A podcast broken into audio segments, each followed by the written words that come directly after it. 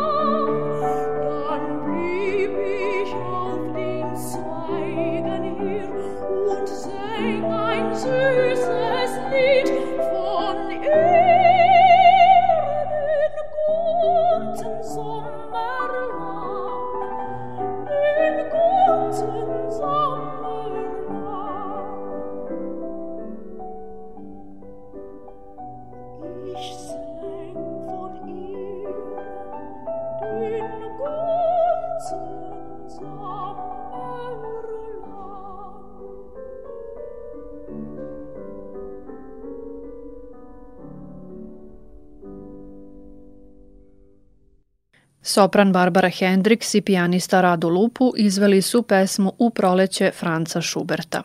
Čuli smo kako zvuči kada kompozitor muzikom oplemeni stihove pune nadanja i melanholije, sećanja na nekadašnju ljubav koja je bila onoliko lepa koliko i priroda u proleće. U emisiji Muzički salon biramo najlepše primere prolećnih kompozicija kojih ima u izobilju u literaturi klasične muzike, naročito u oblasti takozvane programske muzike koja doživljava svoj procvat u romantizmu i impresionizmu.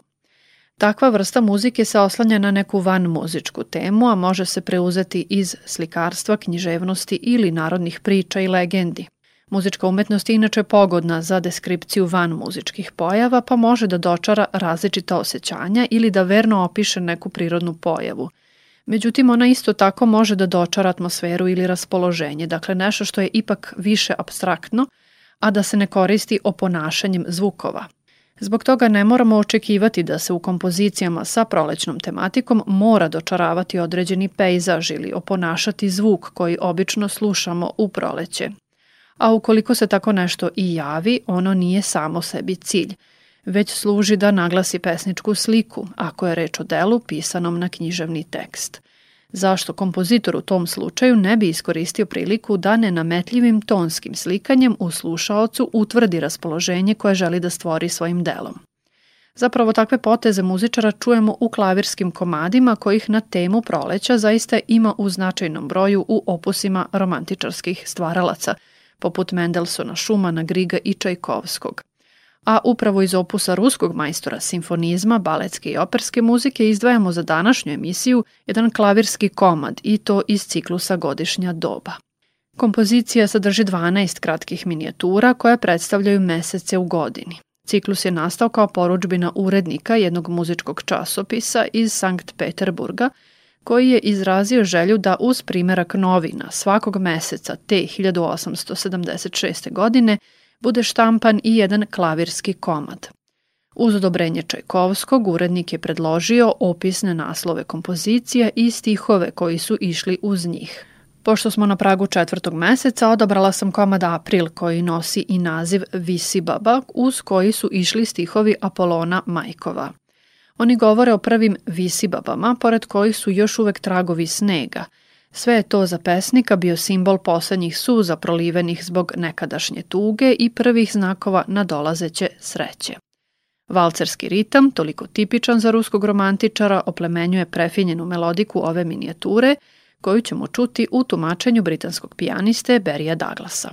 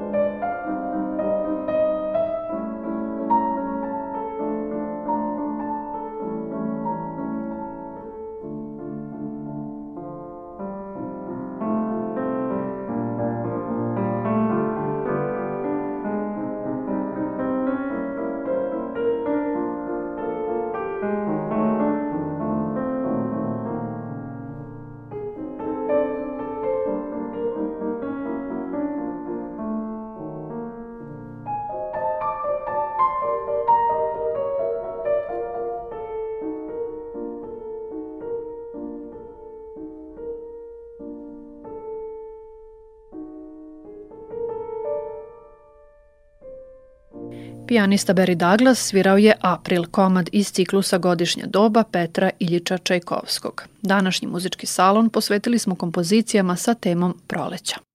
A pre nego što pređemo na teren muzičkog impresionizma, ostaćemo još malo u svetu romantičarske muzike, čiji se odjeci nalaze i u prvim godinama 20. veka. Britanski kompozitor Frank Bridge počeo je da svira violinu kada je imao šest godina, a dragoceno iskustvo stekao je svirajući u orkestru koji je vodio njegov otac William Henry Bridge. Potom je studirao violinu i klavir na Kraljevskom muzičkom koleđu u Londonu, da bi potom učio i kompoziciju u klasi Charlesa Villiersa Stanforda. Osim violine i klavira, Bridge je svirao i violu. Aktivno je nastupao u engleskom gudačkom kvartetu, što ga je kasnije učinilo naročito uspešnim kompozitorom kamerne muzike, a bavio se i simfonijskim i operskim dirigovanjem. Godine 1922. bračni par Bridge upoznao je imućnu pokroviteljku muzike Elizabeth Sprague Coolidge, koja je postala njihova bliska prijateljica, redovno pomažući kompozitoru tako što mu je isplaćivala godišnju stipendiju – zahvaljujući kojoj je mogao da se posveti stvaralaštvu. Pred kraj života Bridge je bio gotovo zaboravljen, a kasnije je ostao upamćen više po kompoziciji svog talentovanog učenika Benjamina Britna, dakle po variacijama na temu Franka Bridgea. Iz njegovog opusa za ovu priliku izdvajam prolećnu pesmu koju je napisao 1912. godine, a namenio violini, odnosno violončelu uz pratnju klavira. Mi je sada slušamo u izvođenju violončeliste Shekua Kanea Masona. Thank you.